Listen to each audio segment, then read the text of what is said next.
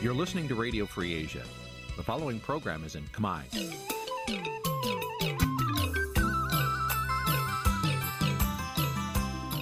នេះជាកម្មវិធីផ្សាយ Vuthu Azizi Serai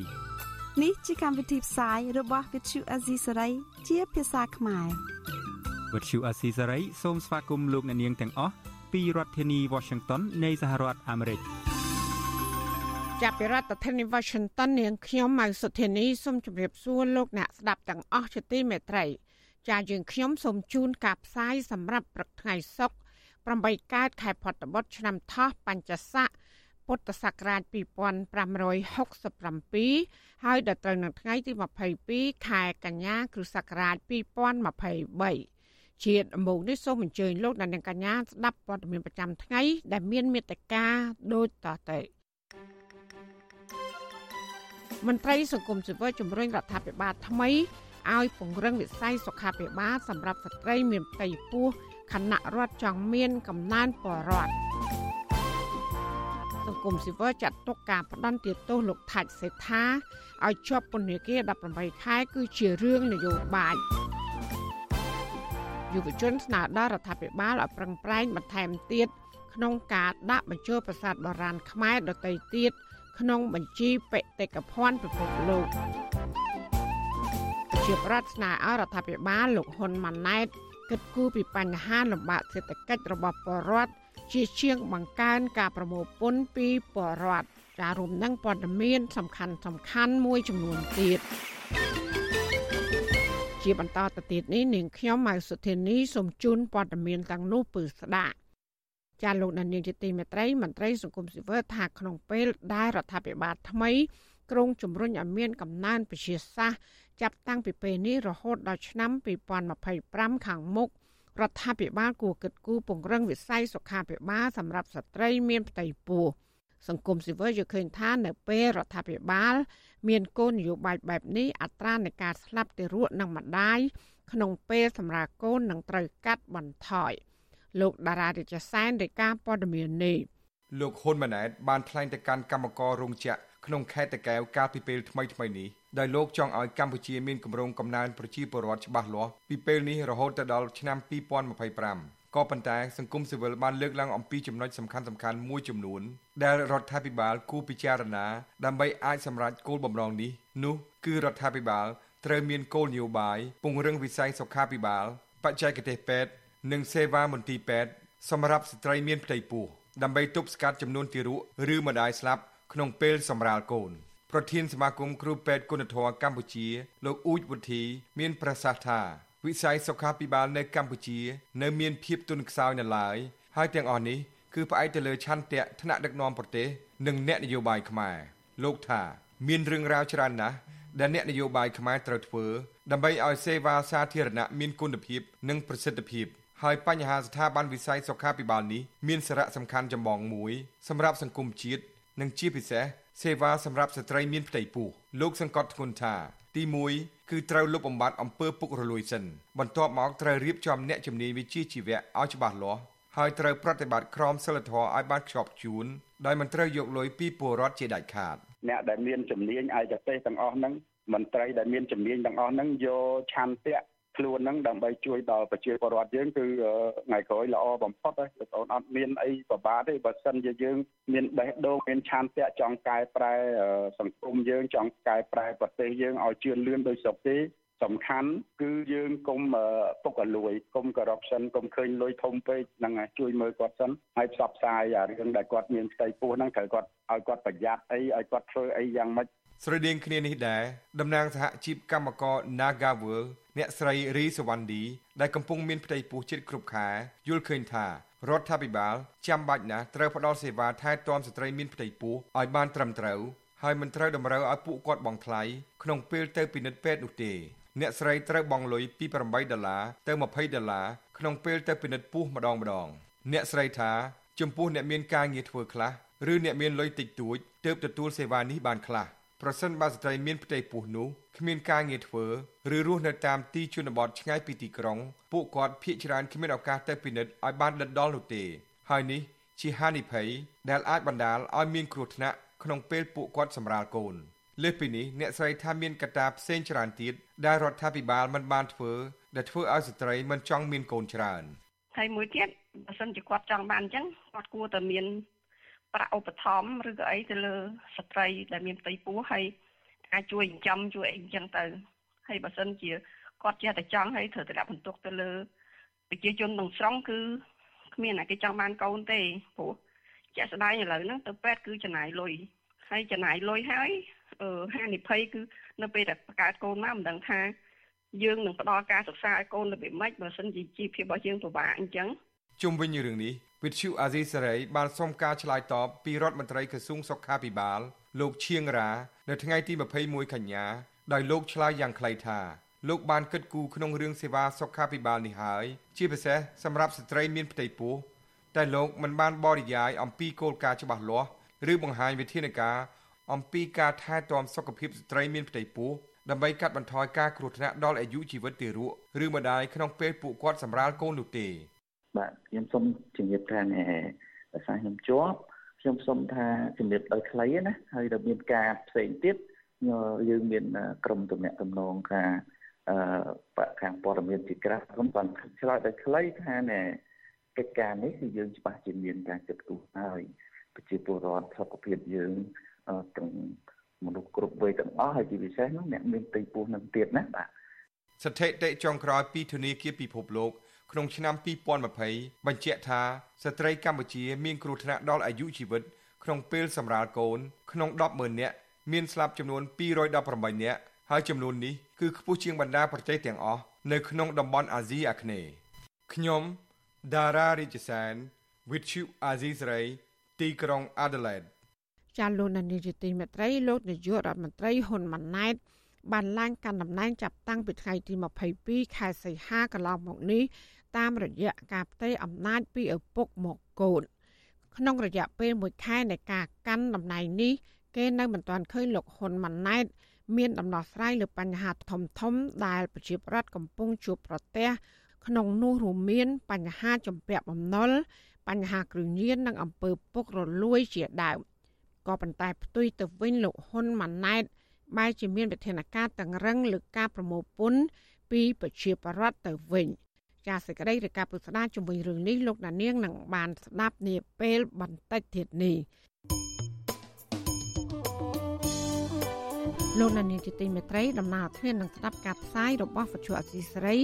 តាមបណ្ដាញសង្គម Facebook YouTube និង Telegram លោកដានៀងក៏អាចស្ដាប់ការផ្សាយរបស់យើងតាមរលក ធាតុអាកាសខ្លីឬ Shortwave តាមកម្រិតនិងកម្ពស់ដូចតទៅ ចាប់ពីព្រឹកចាប់ពីម៉ោង5កន្លះដល់ម៉ោង6កន្លះតាមរយៈប៉ុស SW 12.14 MHz ស្មើនឹងកម្ពស់ 25m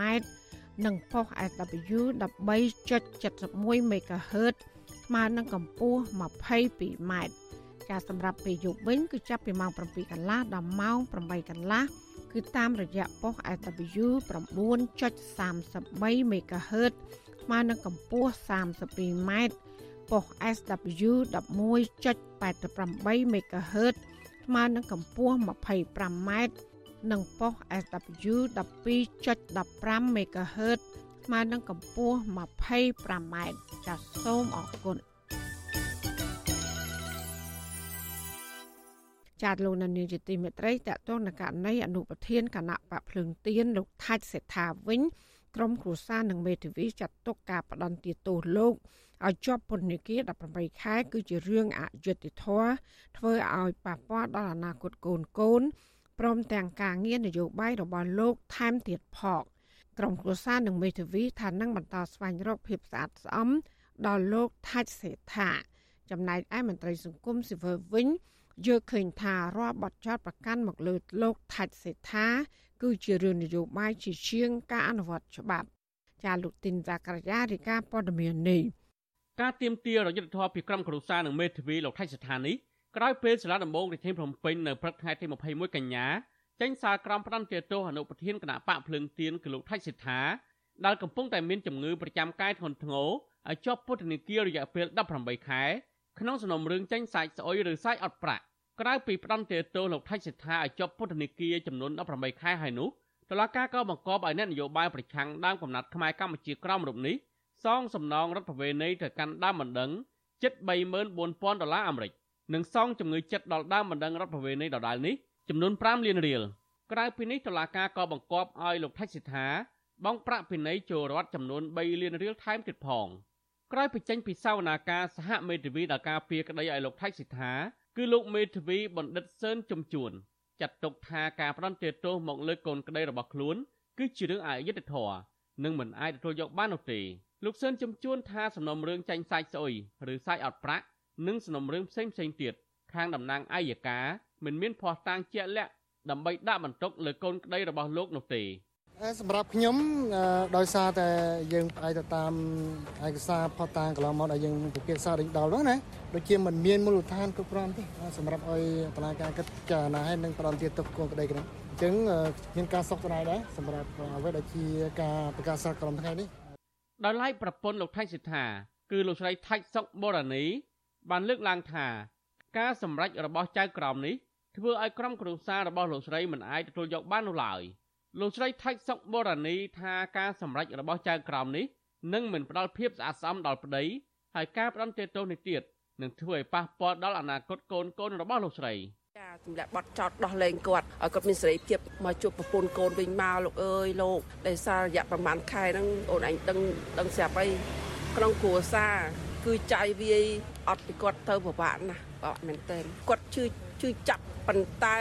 គាត់បានលើកឡើងគាត់ ទោះជាបែបនេះក្តីលោកស្រីថាច់សុកបូរ៉ានីបន្ថែមថាលោកស្រីមិនអស់សង្ឃឹមក្នុងការស្វែងរកយុទ្ធធម៌ជូនប្តីរបស់លោកស្រីនោះទេមុនការប្រកាសសាលក្រមនេះចៅក្រមជំនុំជម្រះគឺលោកស្រីឈុនដាវី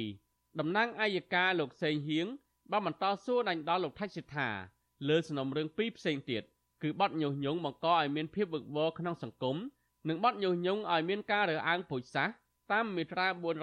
494មាត្រា495 និងមាត្រា496នៃក្រមព្រហ្មទណ្ឌសវនាការនៅព្រឹកថ្ងៃទី21កញ្ញានេះក៏មានមន្ត្រីស្ថានទូតប្រទេសប្រជាធិបតេយ្យរួមមានអាមេរិកអាល្លឺម៉ង់និងសហភាពអឺរ៉ុបចូលរួមក្លំមើលផងដែរតំណាងអัยការលោកសេងហៀងបានចោទជាសំណួរទៅកាន់លោកថៃសិដ្ឋាអំពីលោកថៃសិដ្ឋាដែលបានលើកនៅលើវេទិកាជាមួយពលករនៅកូរ៉េកាលពីថ្ងៃទី13ខែមករាឆ្នាំ2023 តកតងនឹងប្រវត្តិគណៈបកប្រជាជនកម្ពុជាស្តុបមិត្តភាពកម្ពុជាវៀតណាមនិងប្រវត្តិថ្ងៃ7មករាជាដើមលោកសេងហៀងចោតលោកថាច់សិដ្ឋាដែលធ្វើអត្ថាធិប្បាយអំពីបញ្ហានេះគឺជាអំពើទុច្ចរិតនិងមានគោលបំណងបញ្ឆេះកំហឹងដល់ប្រជារដ្ឋឲ្យស្អប់គណៈបកកណ្ដាលអំណាចរដ្ឋាភិបាលនិងមានចេតនាកេងចំណេញនយោបាយមុនការបោះឆ្នោតខិតជិតមកដល់នេះពេលនោះឆ្លើយតបទៅនឹងសំណួរនឹងការចោទប្រកាន់របស់តំណាងអัยការនេះ លោកថៃសិដ្ឋាបានអះអាងថាក្នុងនាមរូបលោកជាអ្នកនយោបាយនិងជាអតីតគ្រូប្រវត្តិសាស្ត្រផងបើមិនអោយលោកនិយាយរឿងប្រវត្តិសាស្ត្រតើឲ្យលោកនិយាយអំពីរឿងកំ pl ែងឬយ៉ាងណាលោកថៃសិដ្ឋាបន្ថែមទៀតថាការដែលលោកនិយាយពីរឿងប្រវត្តិសាស្ត្រដើម្បីឲ្យកូនខ្មែរមានស្មារតីភ្ញាក់រលឹកមានស្មារតីជាតិនិយមនិងដឹងពីល្បិចកលរបស់ប្រទេសជិតខាងដែលលោកសម្ដៅដល់ប្រទេសវៀតណាមដែលព្យាយាមបំបែកបំបាក់ខ្មែរ លោកសេងហៀងថ្លែងនៅក្នុងសេចក្តីសន្និដ្ឋាននៅតែអះអាងថាការអធិប្បាយរបស់លោកថៃសិដ្ឋាទាំងនេះគឺជាបទល្មើសញុះញង់ដែលអាចឲ្យមានការរើសអើងដល់ជាតិសាសន៍និងអាចឈានឲ្យអ្នកគ្រប់គ្រងគណៈបកប្រឆាំងបំផ្លាញស្ទប់មិត្តភាពកម្ពុជាវៀតណាមឆ្លើយតបនឹងការសន្និដ្ឋានរបស់តំណាងអัยការនេះមេធាវីការពារសិទ្ធិឲ្យលោកថៃសិដ្ឋាគឺលោកមេធាវីសឿនចំជួននិងលោកមេធាវីសំសកុងបានឆ្លើយតបថាការចោទប្រកាន់របស់តំណាងអัยការ មិនទាន់ទទួលយកបាននោះឡើយដោយសារតែក្នុងច្បាប់ជាតិនិងអន្តរជាតិបានផ្ដល់សិទ្ធិឲ្យបរដ្ឋលើកឡើងពីមតិយោបល់ហើយកូនក្តីរបស់លោកនិយាយដោយផ្អែកតាមឯកសារប្រវត្តិសាស្ត្រនានាដែលមានលក់នៅតាមទីសាធារណៈតែប៉ុណ្ណោះចំណែកឯលោកថៃសិដ្ឋាបានលើកឡើងជាចុងក្រោយថាបើសិនជាកម្ពុជាហាមមិនឲ្យបរដ្ឋនិយាយរិះគន់ពីគណៈបកប្រជាជនកម្ពុជានិងរដ្ឋាភិបាលគួរតែដូរឈ្មោះប្រទេសកម្ពុជាទៅជាប្រទេសកុម្មុយនីសវិញល្អជាង។ ចៅក្រមជំនុំជម្រះលោកស្រីខុនដាវីសម្រាប់កំណត់ថ្ងៃទី18ខែតុលាខាងមុខដើម្បីប្រកាសសារក្រមលើសំណុំរឿងនេះបន្ទាប់ពីចៅក្រមប្រកាសបិទសវនាការលោកថៃសិដ្ឋាបានងើបដើរចេញទាំងស្ងៀមស្ងាត់ខណៈដើរប្រពន្ធនឹងកូនស្រីរបស់លោកហូរទឹកភ្នែកដើរចេញពីបន្ទប់សាវនាកាវិទ្យុអសិរ័យមិនអាចតាក់ទងអ្នកនាំពាក្យតំណាងអាយកាសាលាដំបងរាជធានីភ្នំពេញលោកប្លង់សុផលនិងអ្នកនាំពាក្យក្រសួងយុទ្ធភ័ពលោកជិនម៉ាលីន ដើម្បីសំសួរអំពីបញ្ហានេះបានទេនៅថ្ងៃទី21កញ្ញាអនុប្រធានគណៈបកភ្លើងទៀនរងឈុនដែលបានមកឃ្លាំមើលសវនាការនៅខាងក្រៅតុលាការលើកឡើងថាការផ្ដន្ទាទោសលោកថៃសិដ្ឋាគឺជារឿងអយុត្តិធម៌សម្រាប់លោកថៃសិដ្ឋាផង និងគណៈបកភ្លើងទៀនផងលោករងឈុនថាគណៈបកភ្លើងទៀនមិនដាល់ភ្លេចអ្នកទោសនយោបាយកំពុងជាប់ខំខាំងនិងនៅតែបន្តទាមទាររដ្ឋាភិបាលដោះលែងពួកគេ។ អ្នកដែលនៅយើងនឹងខិតខំបំពេញហើយនឹងបន្តបេសកកម្មរបស់គណៈបកភ្លើងទៀនដើម្បីបំរើពលរដ្ឋហើយគណៈបកក៏មិនបំភ្លេចពួកគាត់ដែរដូចជាលោកថៃសិដ្ឋានិងអិសរាជជនសកម្មជនគណៈបកភ្លើងទៀនដែលកំពុងតែជួបពន្ធនាគារហ្នឹងយើងតែងតែយកចិត្តទុកដាក់ចំណែកនាយកទទួលបន្ទុកកិច្ចការទូតទៅនៃអង្គការឃ្លាំមើលសិទ្ធិមនុស្សលីកាដូលោកអំសំអាត ចាត់ទុកការផ្ដន់ទោសលោកថៃសិដ្ឋាគឺជារឿងធ្វើទុកបុកម្នេញផ្នែកនយោបាយជាជាងការអនុវត្តច្បាប់លោកអំសំអាតថារដ្ឋាភិបាលគួរតែបើកលំហសិទ្ធិសេរីភាពបរិវត្តនិងដោះលែងអ្នកទោសនយោបាយដើម្បីជៀសវាងការដាក់ទណ្ឌកម្មពីបណ្ដាប្រទេសលោកសេរីការលោកថៃថាលើកទី1នេះហើយក៏មានការចោទប្រកាន់ហើយនឹងពីបទនេះឡើងមួយទៀតអញ្ចឹងបើជាមើលឃើញថាវាជាការដាក់បន្ទុកបន្ថែមឬក៏ធ្វើទុកបុកម្នេញបន្ថែមទៅលើលោកថៃថា ដោយសារតែលោកជាលោកប្រធាននៃគណៈបកភ្លើងទៀនលោកថៃសិដ្ឋាដែលមានអាយុ70ឆ្នាំគឺជាប្រធានសមាគមខ្មែរកម្ពុជាក្រោមនិងជាអនុប្រធានគណៈបកភ្លើងទៀនលោកត្រូវបានសមត្ថកិច្ចចាប់ខ្លួននៅម្ដុំវត្តសំរងអណ្ដែតខណ្ឌសែនសុករាជធានីភ្នំពេញកាលពីល្ងាចថ្ងៃទី16មករាឆ្នាំ2023ខ្ញុំបាទទីនសាការីយ៉ាអស៊ីសេរី ប្រធានាធិបតី Washington ចាលោកនានីជាទីមេត្រីពាក់ព័ន្ធនឹងគណៈបកភ្លឹងទៀននេះដែរមន្ត្រីគណៈបកនេះសោកស្ដាយដែលក្រសួងមហាផ្ទៃនៅតែបដិសេធចេញលិខិតចុះបញ្ជីឡើងវិញជូនដល់គណៈបកភ្លើងទៀនដើម្បីឲ្យគណៈបកមួយនេះអាចចូលរួមការបោះឆ្នោតបាននាពេលខាងមុខមន្ត្រីជាន់ខ្ពស់គណៈបកភ្លើងទៀននិងអ្នកជំនាញកិច្ចការបោះឆ្នោតយល់ថាបញ្ហាលិខិតចុះបញ្ជីគណៈបកភ្លើងទៀននេះ មិនមែនជារឿងនីតិវិធីច្បាប់នោះទេ គឺជារឿងនយោបាយទៅក្រសួងមហាផ្ទៃមិនអាចផ្ដល់ដំណោះស្រាយបានចាលោកថាថៃរាយការណ៍ព័ត៌មាននេះតំណាងគណៈបកភ្លើងទៀនចំនួន5រូបដឹកនាំដោយប្រធានស្ដីទីគណៈបកភ្លើងទៀនលោកសុកហាជនិងតំណាងក្រសួងមហាផ្ទៃចំនួន5រូបដឹកនាំដោយរដ្ឋលេខាធិការក្រសួងមហាផ្ទៃលោកប៊ុនហ៊ុនបានជួបប្រជុំពិភាក្សាគ្នាជុំវិញរឿងស្នើសុំលិខិតចុះបញ្ជីច្បាប់ដើមរបស់គណៈបកភ្លើងទៀនដើម្បីអាចឲ្យគណៈបកប្រឆាំងដ៏លេចធ្លោមួយនេះ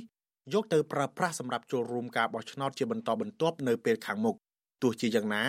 ជំនុំពិភាក្សាគ្នារយៈពេលជាង1ម៉ោងនៅព្រឹកថ្ងៃទី21ខែកញ្ញានៅទីស្តីការក្រសួងមហាផ្ទៃគឺគណៈបកភ្លឹងទៀនពុំទទួលបានលទ្ធផលអ្វីថ្មីនោះទេដោយសារក្រសួងមហាផ្ទៃនៅតែលើកហេតុផលដដែលដដែលដោយជំនុំពិភាក្សា3លើកកន្លងមកដែរ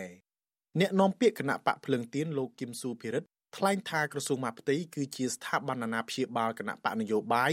ក៏ប៉ុន្តែក្រសួងបែរជាបដិសេធម្ដងហើយម្ដងទៀតក្នុងការចេញលិខិតចុះបញ្ជីដើមរបស់ខ្លួន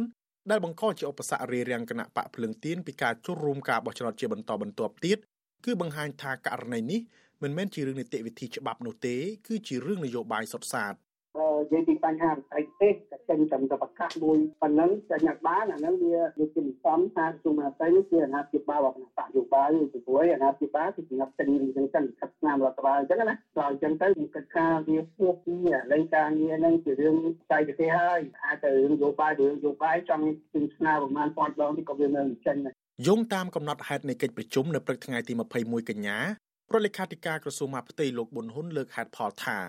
ក្រសួងមហាផ្ទៃមានសមត្ថកិច្ចអនុញ្ញាតឲ្យបង្កើតឬចុះបញ្ជីគណៈបកនយោបាយស្របតាមច្បាប់ស្តីពីគណៈបកនយោបាយ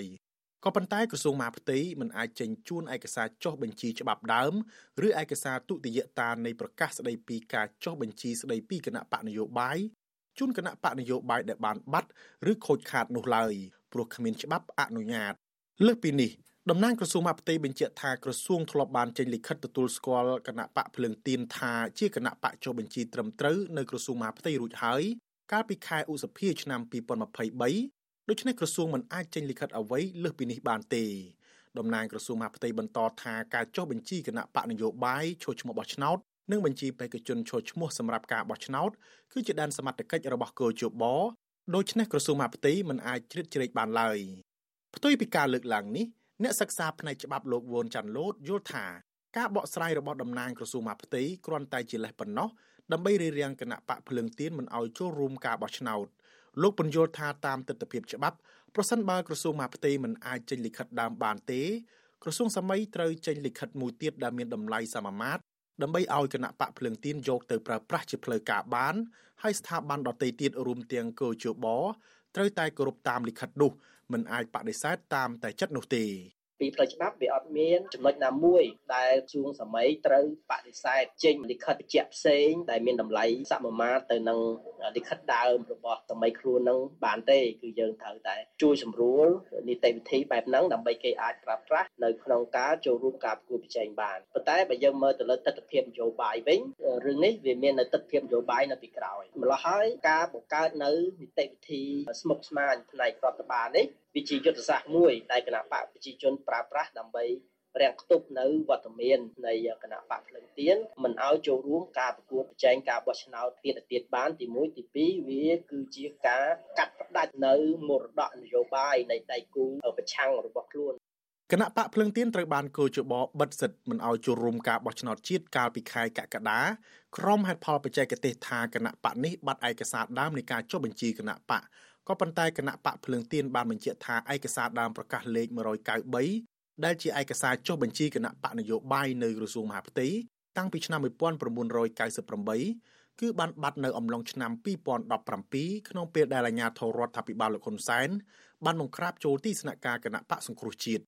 គណៈបកភ្លឹងទៀនបានព្យាយាមស្នើសុំក្រសួងមហាផ្ទៃជួយចេញលិខិតដើមនៃការចុះបញ្ជីគណៈបកជាបន្តបន្ទាប់ឬចេញនៅប្រកាសចុះបញ្ជីជូនគណៈបកភ្លឹងទៀនម្ដងទៀត ដើម្បីអាចឲ្យគណៈបកចូលរួមការបោះឆ្នោតបាននៅពេលខាងមុខក៏ប៉ុន្តែការស្នើសុំនេះមិនទទួលបានលទ្ធផលនោះទេអ្នកស្រាវជ្រាវការអភិវឌ្ឍសង្គមបណ្ឌិតសេងសេរីមានប្រសាសន៍ថាករណីនេះគឺជារឿងនយោបាយដូច្នេះរឿងចេញលិខិតបញ្ជាក់សម្បត្តិកំណត់គណៈបកភ្លើងទៀនបានឬមិនបានគឺមិនអាស្រ័យទៅលើរដ្ឋមន្ត្រីក្រសួងមហាផ្ទៃលោកសសុខាឬលោកនាយករដ្ឋមន្ត្រីហ៊ុនម៉ាណែតនោះទេព្រោះពួកគាត់គ្រាន់តែជាអាយ៉ងរបស់អ្នកនយោបាយចំនួនចាស់នៃគណៈបកកណ្ដាលអំណាចប៉ុណ្ណោះ ឥឡូវនេះមិនត្រឹមតែមិនអោយវិបត្តិរយៈការភ្លើងទៀនទេតែទាំងមិនអនុញ្ញាតឲ្យមានការបង្កើតគណៈបកនយោបាយថ្មីដែលមានមេការសម្រាប់ពីនយោបាយទៀតផងដូច្នេះហើយសរុបមកវិញទៅមើលទៅការបដិសេធនេះមិនមែនជារឿងតែឡើងទេហើយក៏មិនពាក់ព័ន្ធទៅនឹងលិខិតស្នាមដែលក្រសួងអភិវឌ្ឍពន្យល់ដែរព្រោះបើសិនជាគ្មានច្បាប់នៅក្នុងការប្រគល់ច្បាប់ដើមទៅឲ្យវិញការបដិសេធហ្នឹងក៏គ្មានច្បាប់អីពន្យាដែរ ដូច្នេះនេះជាចេតនានយោបាយសុទ្ធសាធដែលមានដំណងសម្រាប់ឲ្យគណៈបកភ្លើងទៀនរលាយដោយខ្លួនឯងមកទល់ពេលនេះអ្នកនាំពាក្យគណៈបកភ្លើងទៀនលើកឡើងថាគណៈបកនៅមិនទាន់សម្រេចថានឹងធ្វើអ្វីទៀតនោះទេដោយរងចាំជជែកផ្ទៃក្នុងថ្នាក់ដឹកនាំជាមុនសិនទោះជាយ៉ាងណាអ្នកវិភាគនយោបាយយល់ថាការបដិសេធរបស់ក្រសួងមហាផ្ទៃនេះគឺជាសញ្ញាដែលទុកឲ្យគណៈបកភ្លើងទៀនរលាយដោយខ្លួនឯងតាមរយៈការបិទមិនឲ្យចូលរួមការបោះឆ្នោតដូច្នេះអ្នកវិភាគយល់ថាគណៈបកភ្លើងទៀន គួរតែបដូរទៅជ្រោកនៅក្រមគណៈបកណាដែលមានសិទ្ធិចូលរួមការបោះឆ្នោតឬរកវិធីបង្កើតគណៈបកនយោបាយថ្មីខ្ញុំថាថៃពីទីក្រុងមែលប៊ន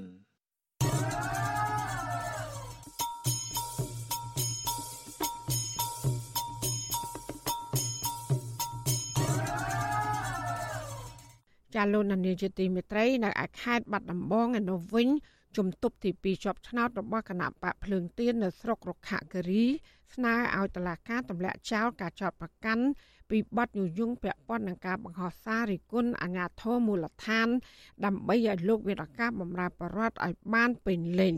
សំណើរបស់មន្ត្រីបកប្រឆាំងនេះគឺធ្វើឡើងនៅបន្ទាប់ពីតុលាការបានកោះហៅឲ្យចូលខ្លួនទៅបំភ្លឺនៅថ្ងៃសុក្រទី22ខែកញ្ញានេះចាលោកយ៉ងច័ន្ទតារារាយការណ៍ព័ត៌មាននេះមន្ត្រីគណៈបកភ្លើងទៀនស្រុករុក្ខគិរី នៅតែអះអាងថាលោក គឺជាមនុស្សស្អាតស្អំនិងមិនបានប្រព្រឹត្តខុសច្បាប់អ្វីឡើយដូច្នេះតុលាការគួរតែទម្លាក់បទចោទមកលើរូបលោកជំទប់ទី2ឃុំព្រែកជីកស្រុករុក្ខគិរីលោកសំបូរីប្រាប់វិទ្យុអាស៊ីសេរីនៅថ្ងៃទី21កញ្ញាថាតាំងពីឡើងកាន់តំណែងជាជំទប់ទី2មកលោកបានបំពេញការងារជួយប្រជាពលរដ្ឋមិនបានពេញដៃពេញជើងនោះទេដោយសារតែរវល់ដំណើរការក្តីក្តាំនៅតុលាការលោកស្នើដល់តុលាការទម្លាក់ចោលបទចោទប្រកាន់លើរូបលោក ដើម្បីលោកមានឱកាសបម្រើប្រជាពលរដ្ឋឲ្យបានពេញលេញដោយពុំមានការភ័យខ្លាច។សប្តាហ៍ថ្ងៃខ្ញុំទទួលបន្ទុកខាងដោះស្រាយដំណោះហ្នឹងក៏ប្រជាពលរដ្ឋលោកតាក់ទងមកស្ទើរតែប្រចាំថ្ងៃទៅហើយ ដោយសារគាត់គិតថាមានគណៈបកប្រឆាំងអីចឹងទៅកុំឲ្យមានតែមួយចឹងទៅគាត់មកជួបគាត់សួរពិភាក្សាអីចឹងទៅដល់ពេលខ្ញុំមិនសូវបានទៅបំពេញការងារអីពេញលេញទេបើរវល់ទៅតឡាការហៅខ្ញុំត្រូវការរត់ទៅរមមេធាវីមេធាវីគាត់ថាគាត់រវល់ត្រូវខ្ញុំសុំពញាពេលរត់ទៅរត់មកឡើងចុះគឺចំណាយថវិកាអស់ច្រើនអញ្ចឹងខ្ញុំមានការលំបាកទាំងចិត្តលំបាកទាំងផ្នែកសេដ្ឋកិច្ច សំណើរបស់មន្ត្រីគណៈបកប្រឆាំងរូបនេះគឺបន្ទាប់ពីព្រះរាជអាជ្ញារងអមសាលាដំបងខេត្តបាត់ដំបង លោកដួងសារ៉នបានកោះហៅលោកសំបុរីឲ្យចូលខ្លួនបំភ្លឺនៅសាលាដំបងខេត្តនេះនៅថ្ងៃទី21កញ្ញាក៏ប៉ុន្តែត្រូវបានមេធាវីការពារក្តីឲ្យលោកសំបុរីស្នើសុំពន្យាពេលចូលបំភ្លឺនៅរសៀលថ្ងៃទី22កញ្ញាវិញតុលាការបានចោទប្រកាន់លោកសំបុរីពីបទបរិហាកេរជាសាធារណៈនិងញុះញង់ឲ្យមានការរើសអើង ពាក់ព័ន្ធទៅនឹងការបង្ហោះសារតាមបណ្ដាញសង្គម Facebook រិះគន់អាជ្ញាធរថាចុះឈ្មោះប្រជាពលរដ្ឋក្រីក្រទទួលប្រាក់ឧបត្ថម្ភពីរដ្ឋាភិបាលគ្មានដំណាភាពជុំវិញរឿងនេះមន្ត្រីសម្របសម្រួលសមាគមការពារសិទ្ធិមនុស្សអាត6ខេត្តបាត់ដំបងនិងខេត្តបៃលិនគឺលោកយិនមេងលីដែលបានចុះស្រាវជ្រាវដល់ទីកន្លែងរកឃើញថា សំណុំរឿងនេះពុំមែនជាទង្វើខុសច្បាប់នោះទេពីព្រោះវាជារឿងពិតជាក់ស្ដែងលោកបញ្ជាក់ថាលោកសំបូរី បង្ហោះសារតាមបណ្ដាញសង្គមរិះគន់អាញាធរគឺជាសិទ្ធិសេរីភាពសម្ដែងមតិរបស់ប្រជាពលរដ្ឋស្របទៅតាមរដ្ឋធម្មនុញ្ញ ខ្ញុំក៏សំណូមពរសូមឲ្យខាងព្រះអញ្ញាលោកដង្កល់រឿងទុកអចាត់ការទៅព្រោះរឿងនេះវានៅក្នុងដំណាក់កាលនៃព្រះអញ្ញាឡើយទេតែវាអត់ទាន់បានធ្វើការចោទប្រកាន់នៅឡើយទេណាហើយខ្ញុំសង្ឃឹមថាក្រោយពេលធ្វើការសាកសួរលោកព្រះអញ្ញាលោកនឹងដង្កល់រឿងនេះទុកចោលអចាត់ការទៅទៅតាមទូនីតិទៅតាមនីតិវិធីរបស់លោកព្រះអញ្ញាទៅដើម្បីឲ្យស្ថានភាពនៅសេរីភាពក្នុងការបញ្ចេញមតិរបស់យើងមានភាពកាន់ប្រសើរឡើងបាទកាលពីខែកក្កដាឆ្នាំ2020 ជំទប់ទី2គណៈបកភ្លើងទៀនលោកសំបូរីត្រូវបានអាជ្ញាធរមូលដ្ឋានកោះហៅចូលបំភ្លឺចំនួន2លើករួចមកហើយដោយលើកដំបូងនៅសាលាឃុំព្រះជីកនិងលើកទី2បំភ្លឺនៅអធិការដ្ឋាននគរបាលស្រុករុក្ខគិរីមេឃុំព្រះជីកបានចោទប្រកាន់រូបលោកថាបានបង្ហោះសារមួលបង្កាច់អាជ្ញាធរខុសពីការពិតការចោទប្រកាន់បែបនេះគឺបន្ទាប់ពីលោកសំបូរីបានបង្ហោះសារនៅលើ Facebook របស់លោកថាមានប្រជាពលរដ្ឋក្រីក្រមួយគ្រួសារនៅឃុំព្រះជីក មានជីវភាពក្រីក្ររកព្រឹកខ្វះល្ងាចក៏ប៉ុន្តែអាជ្ញាធរមិនបានដាក់ឈ្មោះប្រជាពលរដ្ឋរូបនេះនៅក្នុងបញ្ជីជនក្រីក្រ ដើម្បីទទួលប្រាក់ឧបត្ថម្ភពីរដ្ឋាភិបាលនោះឡើយនៅស្រុករុក្ខគិរីមានមន្ត្រីគណៈបកភ្លើងទៀនចំនួន2នាក់គឺលោកសំបរីនិងលោកសុកសឿមត្រូវបានតុលាការចោទប្រកាន់ពីបទញុះញង់ក្នុងនោះលោកសុកសឿមបានរត់ភៀសខ្លួនទៅក្រៅប្រទេសកាលពីខែកក្កដាឆ្នាំ2023 ក្រោយពីលោកត្រូវបានតុលាការផ្ដន្ទាទោសដាក់ពន្ធនាគារចំនួន1ឆ្នាំកន្លះ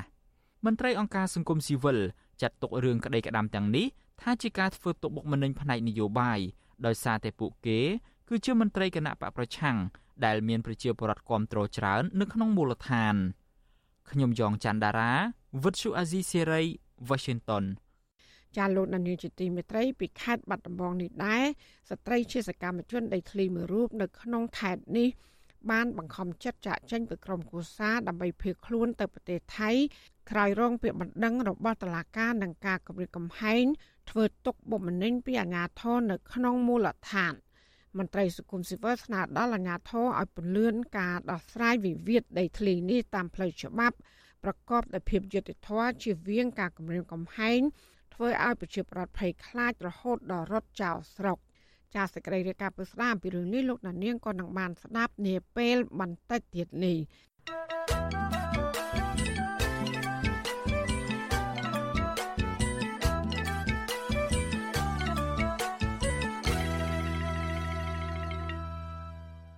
ចាលោកអ្នកស្ដាប់យុតិមេត្រីដែលឡាយក្រុមយុវជនដែលធ្វើការពាក់ព័ន្ធផ្នែកវប្បធម៌វិញមើលឃើញថាប្រទេសកម្ពុជាមានប្រាសាទបុរាណរាប់រយកន្លែង និងរាជធានីបុរាណល្បីល្បាញក៏ប៉ុន្តែពេលនេះមានតែទីតាំងប្រវត្តិសាស្ត្រធំធំចំនួន4ប៉ុណ្ណោះបានចុះបញ្ជីបេតិកភណ្ឌពិភពលោកពួកគេក៏បានស្នើរដ្ឋាភិបាលប្រឹងប្រែងបន្ថែមទៀតដើម្បីដាក់បញ្ចូលប្រាសាទបុរាណខ្មែរនិងទីតាំងប្រវត្តិសាស្ត្រសំខាន់សំខាន់ដើម្បីចុះបញ្ជីបេតិកភណ្ឌពិភពលោករបស់អង្គការ UNESCO ចានេះគឺជាសកម្មភាពរបស់លោកនៅវណ្ណរិនជំវិញព័ត៌មាននេះ ក្រមយុវជនដែលធ្វើការពាក់ព័ន្ធផ្នែកវប្បធម៌អំពាវនាវឲ្យរដ្ឋាភិបាល បង្ហាញពីបច្ចុប្បន្នភាពចុងក្រោយដែលក្រសួងវប្បធម៌បញ្ចូលទីតាំងប្រវត្តិសាស្ត្រសំខាន់សំខាន់មានប្រាសាទបុរាណនិងរាជធានីបុរាណដទៃទៀតដើម្បីចុះបញ្ជីបេតិកភណ្ឌពិភពលោករបស់អង្គការ UNESCO ប្រធានសមាគមមគ្គុទ្ទេសក៍ទេសចរខ្មែរអង្គរ លោកខៀវធីប្រាប់វិទ្យុអាស៊ីសេរីថារដ្ឋាភិបាល គួរតែពន្លឿនកិច្ចខំប្រឹងប្រែងបន្ថែមទៀតរៀបចំរាជធានីបុរាណភ្នំគូលែនដើម្បីចុះបញ្ជីបេតិកភណ្ឌពិភពលោក និងដើម្បីការពារព្រៃឈើនិងខឿនប្រាសាទបុរាណនានាដែលកំពុងប្រឈមនឹងការលួចកាប់ឆ្ការព្រៃធ្វើចំការជាកម្មសិទ្ធិឯកជនជាបន្តបន្ទាប់ លោកបារម្ភថាការពន្យាពេលចុះបញ្ជីតំបន់ប្រវត្តិសាស្ត្រដ៏ល្បីល្បីទាំងនេះនឹងបង្កហានិភ័យខ្ពស់ដល់ធនធានធម្មជាតិនិងតំបន់អភិរក្សប្រវត្តិសាស្ត្រដ៏មានតម្លៃ។ កូនភ្នំកលែនជាតំបន់មួយមហិច្ឆតារបស់ហើយជាខ្មែរយើងបងប្អូនមិនត្រឹមតែជាប្រភពទឹកផ្ដល់នៅទឹកឲ្យខេត្តសៀមរាបប៉ុណ្ណោះទេហើយជាប្រាសាទដែលជាតំបន់ដែលអតីតរាជធានីខ្មែរយើងសម័យសតវត្សទី9មានប្រាសាទរឹបរយប្រាសាទមានរូងភ្នំធម្មជាតិមានទឹកធ្លាក់សម្បូរដល់អូនគ្រប់បងកថារដ្ឋាភិបាលគួររៀបចំភ្នំកលែនចុះបញ្ជីប្រទេសកម្ពុជាពិភពលោកពីយើងការពារធនសម្បត្តិធម្មជាតិរបស់យើងផងហើយមានការលើកបំពេញខ្វៀលដីពីធនធានជាតិផងបងណា យុវជនដែលធ្វើការពាក់ព័ន្ធវប្បធម៌ម្នាក់ទៀតថ្លែងសូមមិនបញ្ចេញឈ្មោះសង្កេតឃើញថាមានប្រាសាទបុរាណជាច្រើនទៀតស្ថិតនៅក្នុងព្រៃជ្រៅក្បែរប្រាសាទបឹងមាលានៅក្នុងស្រុកស្វាយលើខេត្តសៀមរាបមិនទាន់មានការថែទាំបានល្អឡើយហើយផ្លូវចូលប្រាសាទនោះក៏ពិបាកធ្វើដំណើរទៀតផង។លោកថាផ្លូវបុរាណមួយខ្សែចាប់ពីប្រាសាទបឹងមាលាឆ្ពោះទៅប្រាសាទព្រះខ័នកំពង់ស្វាយស្ថិតនៅក្នុងខេត្តព្រះវិហារក៏មានប្រាសាទបុរាណផ្សេងទៀតដែរ ដែលមានរូបរាងនៅល្អនៅឡើយស្ថិតនៅក្នុងព្រៃជ្រៅពុំទាន់មានការអភិរក្សជួសជុលឬថែរក្សានៅឡើយទេគេថែទាំហើយតែគ្រាន់តែវាអត់ទាន់ពេញលេញចង់និយាយថាបើសិនជាប្រាសាទអស់នោះត្រូវបានគេសិក្សាហើយលើកតម្កើងវាថែទាំវាហើយដាក់ចូលជាបេតិកភណ្ឌ UNESCO វានឹងទទួលបានការចាប់អារម្មណ៍កាន់តែច្រើនពីឯកជនរដ្ឋឬក៏ពីដៃគូអភិវឌ្ឍ របស់ UNESCO ឬក៏របស់ប្រទេសផ្សេងផ្សេងទៀតដើម្បីទៅជួយក្នុងការការងារអភិរក្សហើយនឹងលើកកម្ពស់នៅរចនាសម្ព័ន្ធប្រាសាទឬក៏ផ្លូវហេដ្ឋារចនាសម្ព័ន្ធផ្សេងផ្សេងអញ្ចឹងណាឆ្លើយតបនឹងបញ្ហានេះរដ្ឋលេខាធិការនិងជាអ្នកណែនាំពាក្យក្រសួងវប្បធម៌លោកសុំម៉ាប់មានប្រសាសន៍ថាតំបន់រមណីយដ្ឋានប្រវត្តិសាស្ត្រភ្នំគូលែនប្រាសាទបន្ទាយឆ្មាប្រាសាទបាណន់និងប្រាសាទមួយចំនួនផ្សេងទៀតនៅក្នុងខេត្តតាកែវក៏ក្រសួងបានចុះបញ្ជីបំរុង និងបានផ្ញើជូនគណៈកម្មការបេតិកភណ្ឌពិភពលោករបស់អង្គការ UNESCO រួចរាល់ហើយដែរលោកបញ្ជាក់ថាតំបន់រមណីយដ្ឋានប្រវត្តិសាស្ត្រទាំងនេះមានរាជធានីបុរាណនិងមានប្រាសាទបុរាណសរុបជាង10កន្លែងដែលកំពុងស្នើសុំចុះបញ្ជីជាច្រើនឆ្នាំមកហើយហើយមន្ត្រីជំនាញបន្តសិក្សាធ្វើការងារទាំងនេះដោយយកចិត្តទុកដាក់ កាលពីមុនយើងដាក់ដល់7អញ្ចឹងយើងអាប់ដេតរហូតដល់ឥឡូវដូចជាង10ទៅបងខ្លះឲ្យតែកន្លែងធំធំក៏មានទាំងអស់អ្នកជំនាញដូចយើងកំពុងតែសិក្សាចងក្រងឯកសារព្រោះចងក្រងឯកសារដាក់ចូលហ្នឹងมันងាយស្រួលបងព្រោះត្រូវបញ្ជាក់ឲ្យគេ outstanding universal value ហ្នឹងត្រង់ណាអាហ្នឹងមានចែងនៅក្នុងអនុសញ្ញាដែរវាមាន10 criteria បងហើយត្រូវមួយក្នុងចំណោម10ហ្នឹងបតិភណ្ឌពិភពលោកអាហ្នឹងប៉ុន្តែហ្នឹងมันងាយកកសាងឯកសារហ្នឹងឯងបងពិបាកអាយើងត្រូវធ្វើកំណែយើងត្រូវសិក្សាយើងត្រូវអូ ច្រើនណាស់បងមកទល់ពេលនេះមានទីតាំងប្រវត្តិសាស្ត្រធំធំចំនួន4ប៉ុណ្ណោះដែលបានចុះបញ្ជីជាបេតិកភណ្ឌពិភពលោកគឺតំបន់ឧទ្យានអង្គរប្រាសាទសម្បូរព្រៃគុកប្រាសាទព្រះវិហារនិងចុងក្រោយនេះគឺប្រាសាទកោះកេរលោកខឿនធីបន្ថែមថាប្រាសាទបន្ទាយឆ្មាក្នុងខេត្តបន្ទាយមានជ័យនិងប្រាសាទព្រះខ័នកំពង់ស្វាយស្ថិតនៅក្នុងខេត្តព្រះវិហារនិងប្រាសាទបឹងមាលារដ្ឋាភិបាលគួរតែប្រឹងប្រែងបន្ថែមទៀតដើម្បីពន្លឿនចុះបញ្ជីជាសម្បត្តិបេតិកភណ្ឌពិភពលោកដើម្បីថែទាំជួសជុលនិងរៀបចំហេដ្ឋារចនាសម្ព័ន្ធនៅទីនោះឲ្យបានល្អឡើងវិញក្នុងបំណងរុញច្រានវិស័យទេសចរឲ្យលូតលាស់កាន់តែច្រើនឡើងខ្ញុំបាទនៅវណ្ណរិន with Chu Azizi Saray ពីរដ្ឋធានី Washington ា លោកដានីជាទីមេត្រីក្នុងឱកាសនេះដែរនាងខ្ញុំសូមថ្លែងអំណរគុណដល់លោកដានីកញ្ញាទាំងអស់ដែលតែងតែមានភក្ដីភាព ចំពោះការផ្សាយរបស់យើងហើយចាត់ទុកការស្ដាប់វិទ្យុអសីសេរី គឺជាផ្នែកមួយនៃសកម្មភាពប្រចាំថ្ងៃរបស់លោកអ្នកការគ្រប់គ្រងរបស់លោកដានៀងនេះហើយដែលធ្វើយើងខ្ញុំមានទឹកចិត្តកាន់តែខ្លាំងថែមទៀតក្នុងការស្វែងរកនិងផ្តល់ព័ត៌មានជូនដល់លោកដានៀង ចាំមានអ្នកស្ដាប់អ្នកទេសនាកាន់តែច្រើនកាន់តែធ្វើយើងខ្ញុំមានភាពស្វាហាប់មោះមុតជាបន្តទៀតចាយើងខ្ញុំសូមអរគុណទុកជាមុនហើយក៏សូមអញ្ជើញលោកដានៀងកញ្ញាចូលរួមជំរុញឲ្យសកម្មភាពផ្តល់ព័ត៌មានរបស់យើងនេះកាន់តែជោគជ័យបន្ថែមទៀតលោកដានៀងអាចជួយយើងខ្ញុំបានដោយគ្រាន់តែចុចចែករំលែកឬ share ការផ្សាយរបស់យើងនេះ នៅលើបណ្ដាញសង្គម Facebook និង YouTube ទៅកាន់មិត្តភ័ក្តិដើម្បីឲ្យការផ្សាយរបស់យើងនេះបានទៅដល់មនុស្សកាន់តែច្រើនចាសសូមអរគុណចាលោកដានៀងជាទីមេត្រីនៅឯខេត្តបាត់ដំបងស្ត្រីជាសកម្មជនដីធ្លីមួយរូបនៅក្នុងខេត្តនេះបានបង្ខំចិត្តចាក់ចេញពីក្រុមគូសាដើម្បីភៀសខ្លួនទៅប្រទេសថៃក្រោយរងពាក្យបណ្ដឹងរបស់តុលាការនឹងការគម្រាមកំហែង ធ្វើទុកបុកម្នេញពីអាជ្ញាធរនៅក្នុងមូលដ្ឋានមន្ត្រីសង្គមស៊ីវិលស្នើដល់អាជ្ញាធរឲ្យពន្លឿនការដោះស្រាយវិវាទដីធ្លីតាមផ្លូវច្បាប់ប្រកបដោយភាពយុត្តិធម៌ដើម្បីជៀសវាងការគម្រាមកំហែងធ្វើឲ្យបរដ្ឋភ័យខ្លាចរហូតដល់រត់ចោលស្រុកចាលោកជីវតារិកាពុស្ដាជំវិញព័ត៌មាននេះការបាត់បង់ជំនឿលើប្រព័ន្ធយុតិធធភាពយឺតយ៉ាវរបស់តុលាការ និងការគំរាមកំហែងតាមគ្រប់រូបភាព បានរុញច្រានឲ្យស្ត្រីម្នាក់ដែលជាសកម្មជនដីធ្លី ជាអ្នកតស៊ូមតិដើម្បីសេរីភាព និងជាអ្នកគ្រប់គ្រងគណៈបកប្រឆាំងបានភៀសខ្លួនទៅក្រៅប្រទេស ដើម្បីគេចចេញពីការកាត់ទោសដោយភាពអយុត្តិធម៌សកម្មជនដីធ្លីនៅឃុំបឹង5ស្រុកបវលអ្នកស្រីនួននឿនប្រាប់វិទ្យុអាស៊ីសេរីនៅថ្ងៃទី21កញ្ញាថា អ្នកស្រីចាក់ចេញពីស្រុកកំណើតទាំងក្តីឈឺចាប់ ដោយសារមិនអាចទ្រាំនឹងការគំរាមកំហែងការដៀលថ្មេះការបញ្ចុះបញ្ចូលឲ្យចូលបកកាន់អំណាចនិងការតាមដានឃ្លាំមើលពីមនុស្សប្លែកមុខជាប្រចាំអ្នកស្រីថាប្រសិនបើអ្នកស្រីបន្តរស់នៅក្នុងប្រទេសអ្នកស្រីអាចប្រឈមនឹងការជាប់ពន្ធនាគារឬគ្រោះថ្នាក់ដល់អាយុជីវិតខណៈអ្នកស្រីសង្កេតឃើញថាតុលាការតែងរុញសំណុំរឿងអ្នកស្រីទៅវិញទៅមកគ្មានការកាត់ក្តីឲ្យជាក់លាក់និងប្រកបដោយយុត្តិធម៌នោះឡើយ តាំងពីឆ្នាំ2014 15រឿងដីធ្លីនឹងតែអត់ដែលមានការដោះស្រាយទេមានតែដីកាកោះហៅខ្ញុំឡើងជាហោហែអញ្ចឹងខ្លួនខ្ញុំមួយនេះគាត់ទៅទោសពីករណីហើយគាត់ថាដីកាកោះហៅខ្ញុំវាច្រើនអាគេកាត់ទោសប្របាំងមុខផងអាគេសៅបណ្ណាការផងរឿងខ្ញុំទៅដល់កំពូលរឿងមួយដល់កំពូលតែគេត្រឡប់មកតវិញ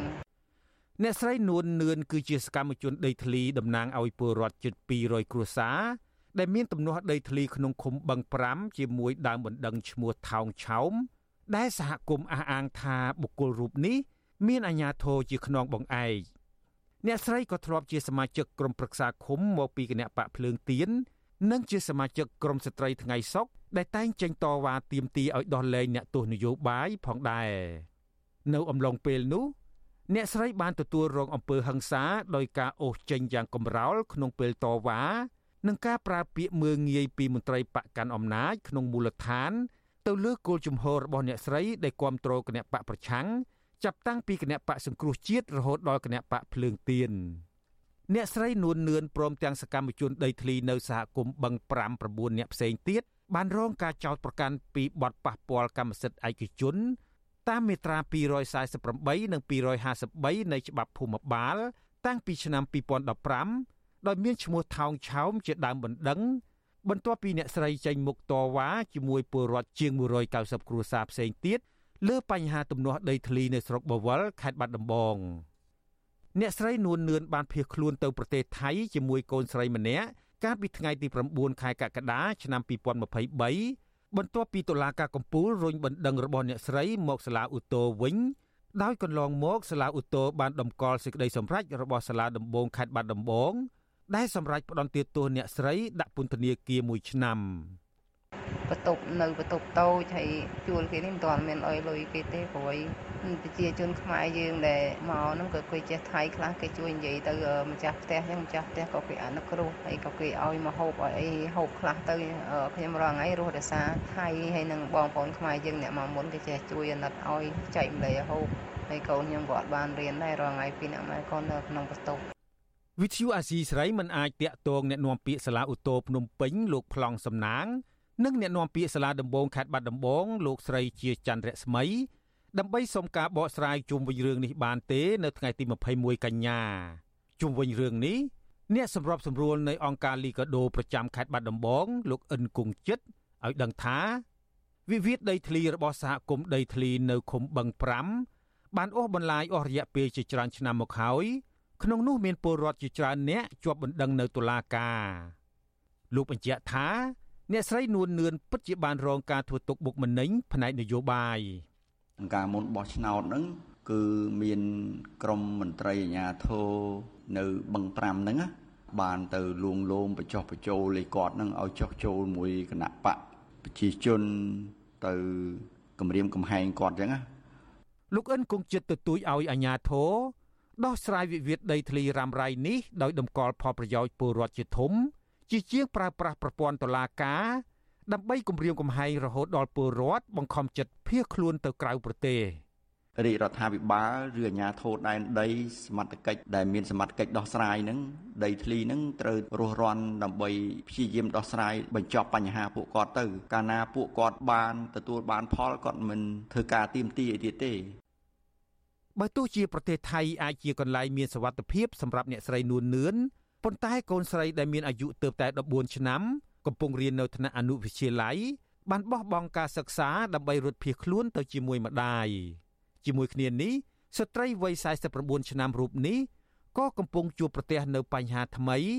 គឺជីវភាពរស់នៅក្រៅប្រទេសដែលគ្មានមុខរបរច្បាស់លាស់គ្មានប្រាក់កាសបង់ថ្លៃបន្ទប់ស្នាក់នៅ និងអាហារហូបចុកប្រចាំថ្ងៃ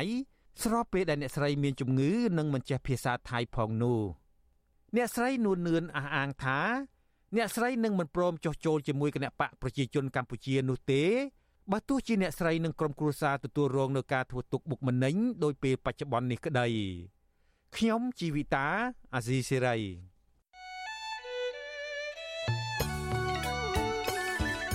ចាលោកនាងជាទីមេត្រីកម្មវិធី podcast កម្ពុជាសប្តាហ៍នេះរបស់វិទ្យុអសីស្រី មានចេញផ្សាយនៅរៀងរាល់ព្រឹកថ្ងៃសៅរ៍នៃសប្តាហ៍នីមួយៗមកនៅ ប្រទេសកម្ពុជាចាសសូមប្រិយមិត្តស្វែងរកនិងស្ដាប់ podcast របស់យើង នៅលើកម្មវិធី podcast របស់ Apple, Google និង Spotify ដោយគ្រាន់តែសរសេរពាក្យថាកម្ពុជាសប្តាហ៍នេះឬ Cambodia This Week នៅក្នុងប្រអប់ស្វែងរក ចាវិទ្យុអសីស្រីនឹងចាក់ផ្សាយ podcast នេះឡើងវិញនៅក្នុងការផ្សាយផ្ទាល់របស់យើង តាមបណ្ដាញសង្គម Facebook YouTube និង Telegram នៅរៀងរាល់យប់ថ្ងៃច័ន្ទចាសសូមអរគុណ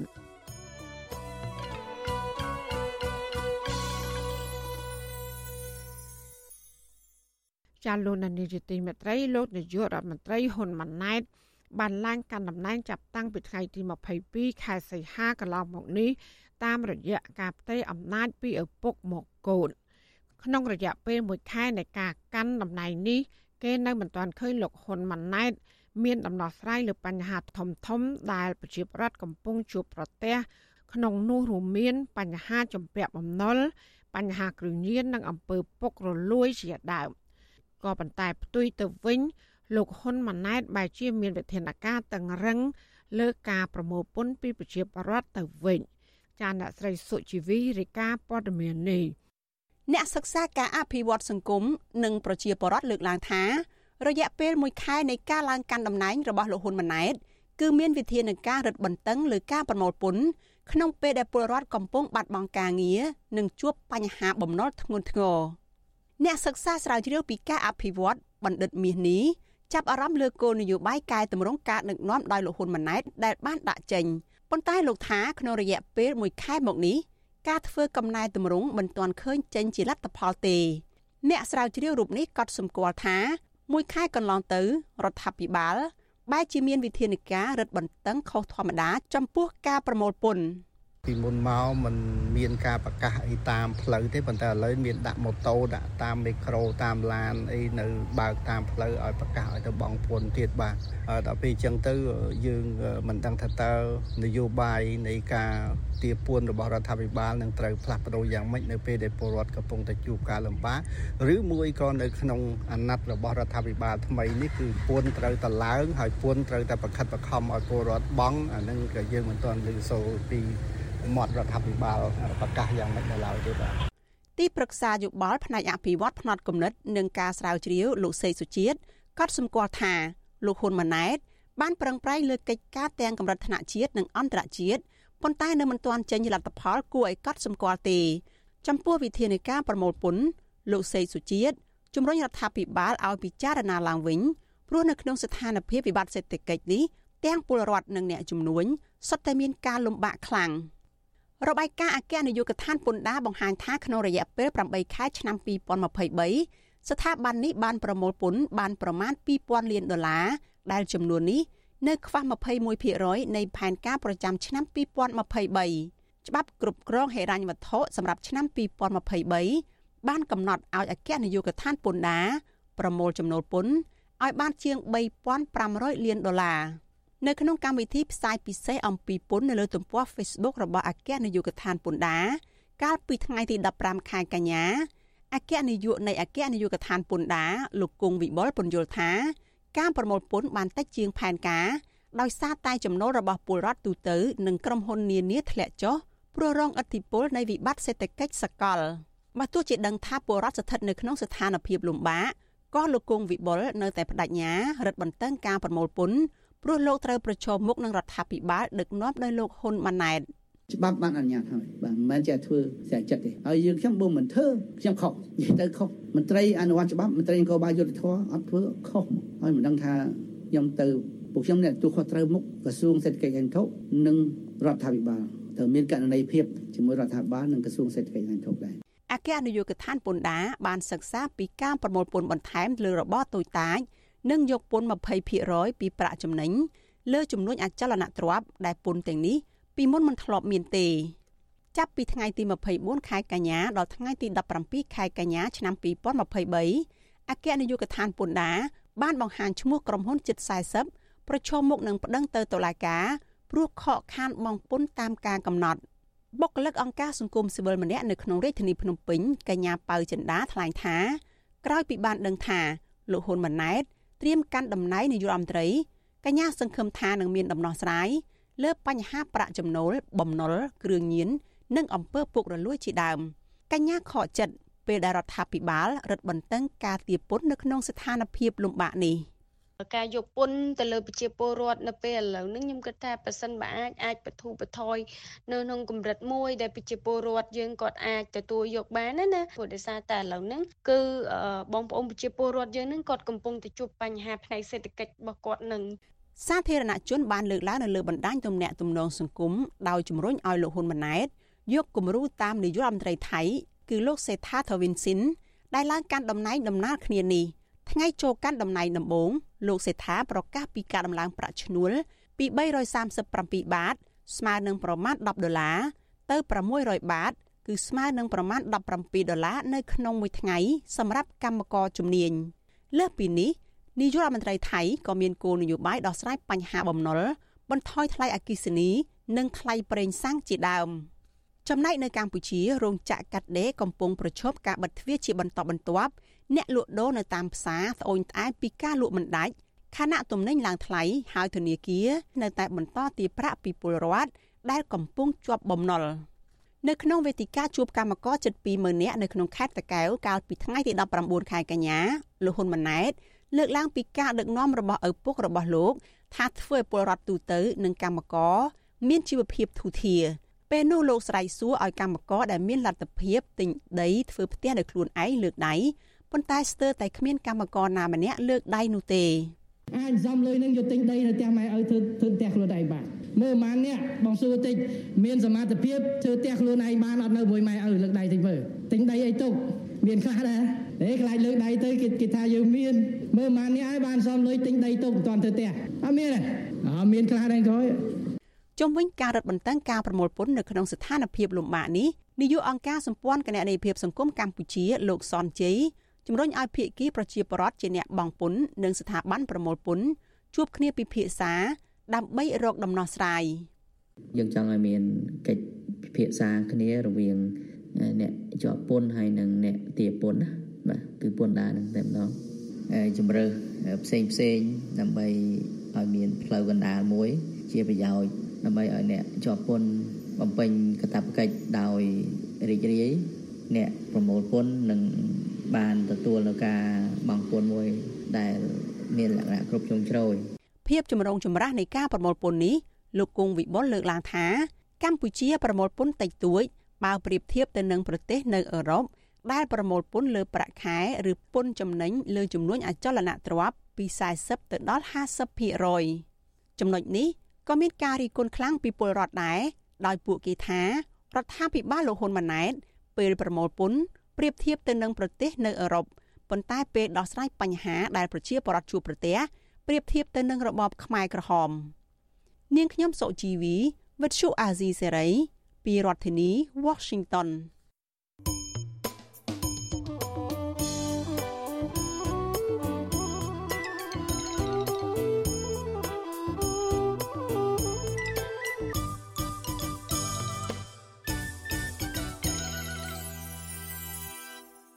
ចាលោកដានីជទីមេត្រីមន្ត្រីគណៈបពប្រឆាំងលើកឡើងថាលោកហ៊ុនម៉ាណែតមិនគួរបន្តឃោសនាអភិជាប្រដ្ឋអគុណសន្តិភាពបែបអវិជ្ជមានដែលបន្សល់ទុកពីការដឹកនាំរបស់ឪពុកលោកនោះខ្លាចសកម្មជនបរិស្ថាននិងសិទ្ធិមនុស្សលើកឡើងថាថ្នាក់ដឹកនាំរដ្ឋាភិបាលនឹងអាចធ្វើឲ្យសន្តិភាពល្អប្រសើរឡើងបានលុះត្រាតែប្រជាប្រដ្ឋមិនមានការភ័យខ្លាច ក្នុងការបញ្ចេញមតិនិងការស្វែងរកយុត្តិធម៌ផ្ទាល់ខ្លួនចាលោកយ៉ងច័ន្ទតារាមានសេចក្តីរាយការណ៍ពុស្ដាជំវិញព័ត៌មាននេះ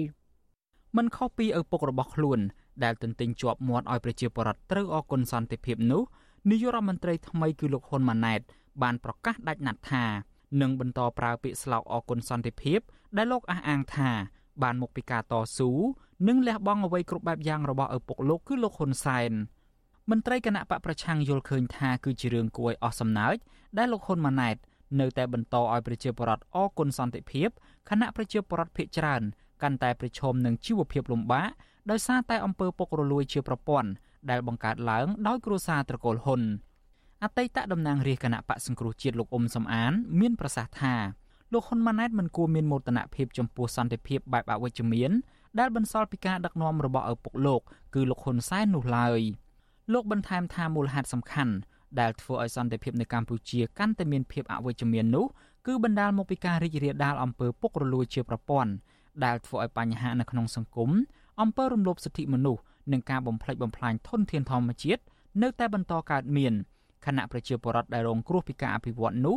នៅតែមិនអាចទទួលបានយុត្តិធម៌ពីប្រព័ន្ធតុលាការ។ ប្រកិតពីរបបថ្មីដែលដឹកនាំដោយលោកហ៊ុនម៉ាណែតមិនខុសពីឪពុករបស់ខ្លួនទេគឺការធ្វើទុកបុកម្នេញទៅលើមន្ត្រីបពប្រឆាំងហើយនឹងការបំផ្លាញប្រជាធិបតេយ្យហើយនឹងការមិនគ្រប់សិទ្ធិមនុស្សហ្នឹងគឺដូចតែគ្នានឹងឯងហើយតឡាការនៅមកឯករាជ្យនៅតែធ្វើបាបទៅលើប្រជាបរតស្រុតត្រង់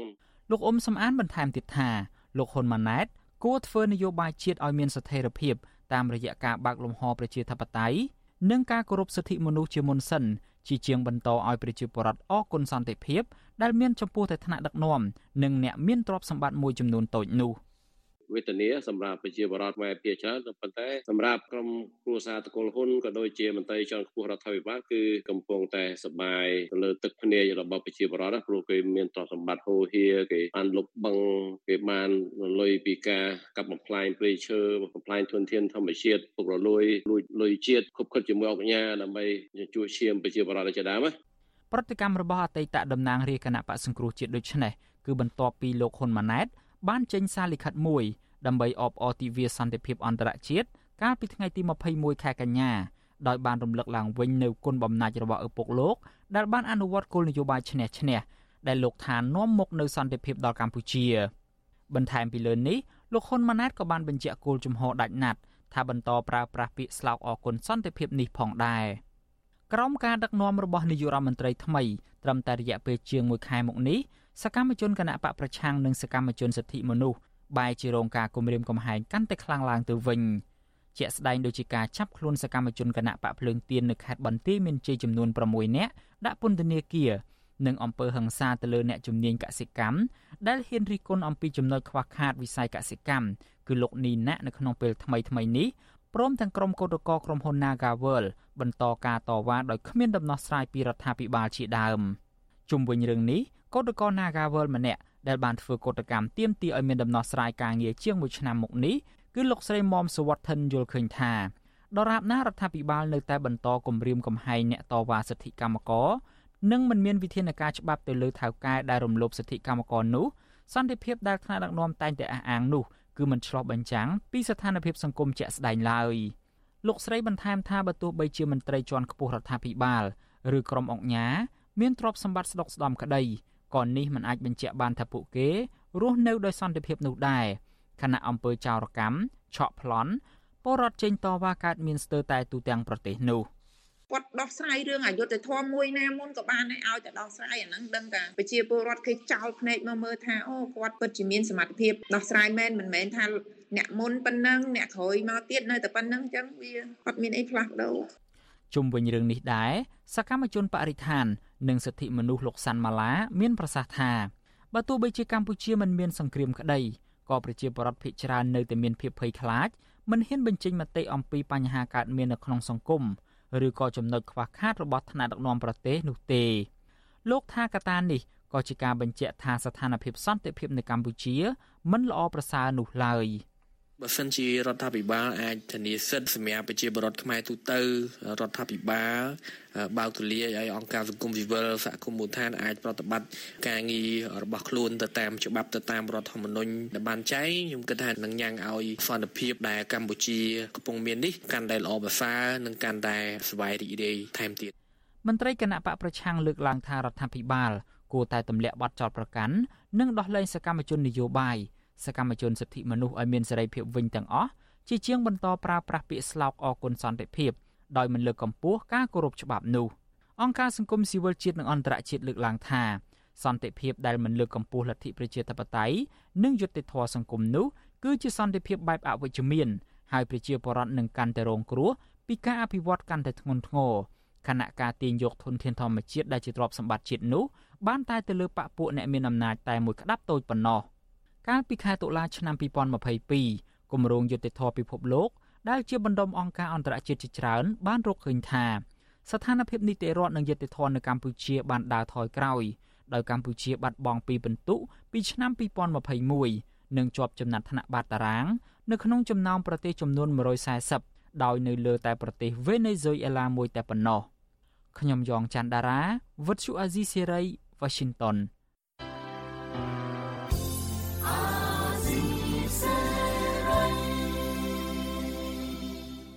ចាលោកលានកញ្ញាអ្នកស្ដាប់ជាទីមេត្រីការផ្សាយរយៈពេល1ម៉ោងរបស់វិទ្យុអាស៊ីស្រីជាភាសាខ្មែរនៅពេលនេះចាប់តែប៉ុណ្ណេះចាយើងខ្ញុំទាំងអស់គ្នាសូមជូនពរលោកលាននិងក្រុមគ្រួសារទាំងអស់សូមជួបប្រកបតែនឹងសេចក្តីសុខសេចក្តីចម្រើន ជានិរន្តរ៍ចានាងខ្ញុំម៉ៅសុធានីព្រមទាំងក្រុមការងារទាំងអស់របស់អាស៊ីស្រីសូមអរគុណនិងសូមជម្រាបលា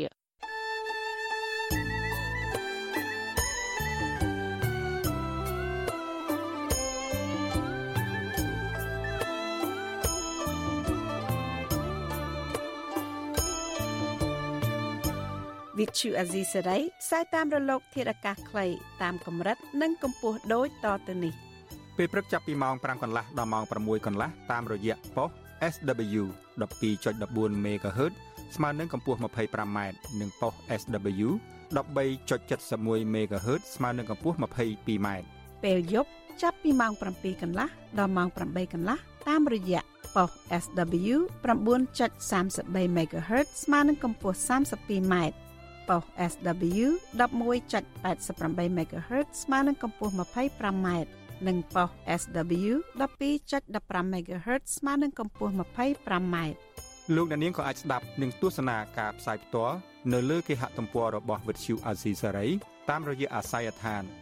rfa.org/ ខ្មែរក្រៅពីនេះលោកអ្នកនាងក៏អាចអាននិងទស្សនាព័ត៌មាន Vuthu Azizi Saray លើទូរស័ព្ទដៃរបស់លោកអ្នកផ្ទាល់ សូមលោកអ្នកនាងដំឡើងកម្មវិធី Vithu Azisari នៅលើទូរស័ព្ទដៃរបស់លោកអ្នកនាងឬស្វែងរក Vithu Azisari នៅលើ YouTube ឬ Facebook ដោយស្វែងរកពាក្យថា Vithu Azisari ឬ RFA ខ្មែរ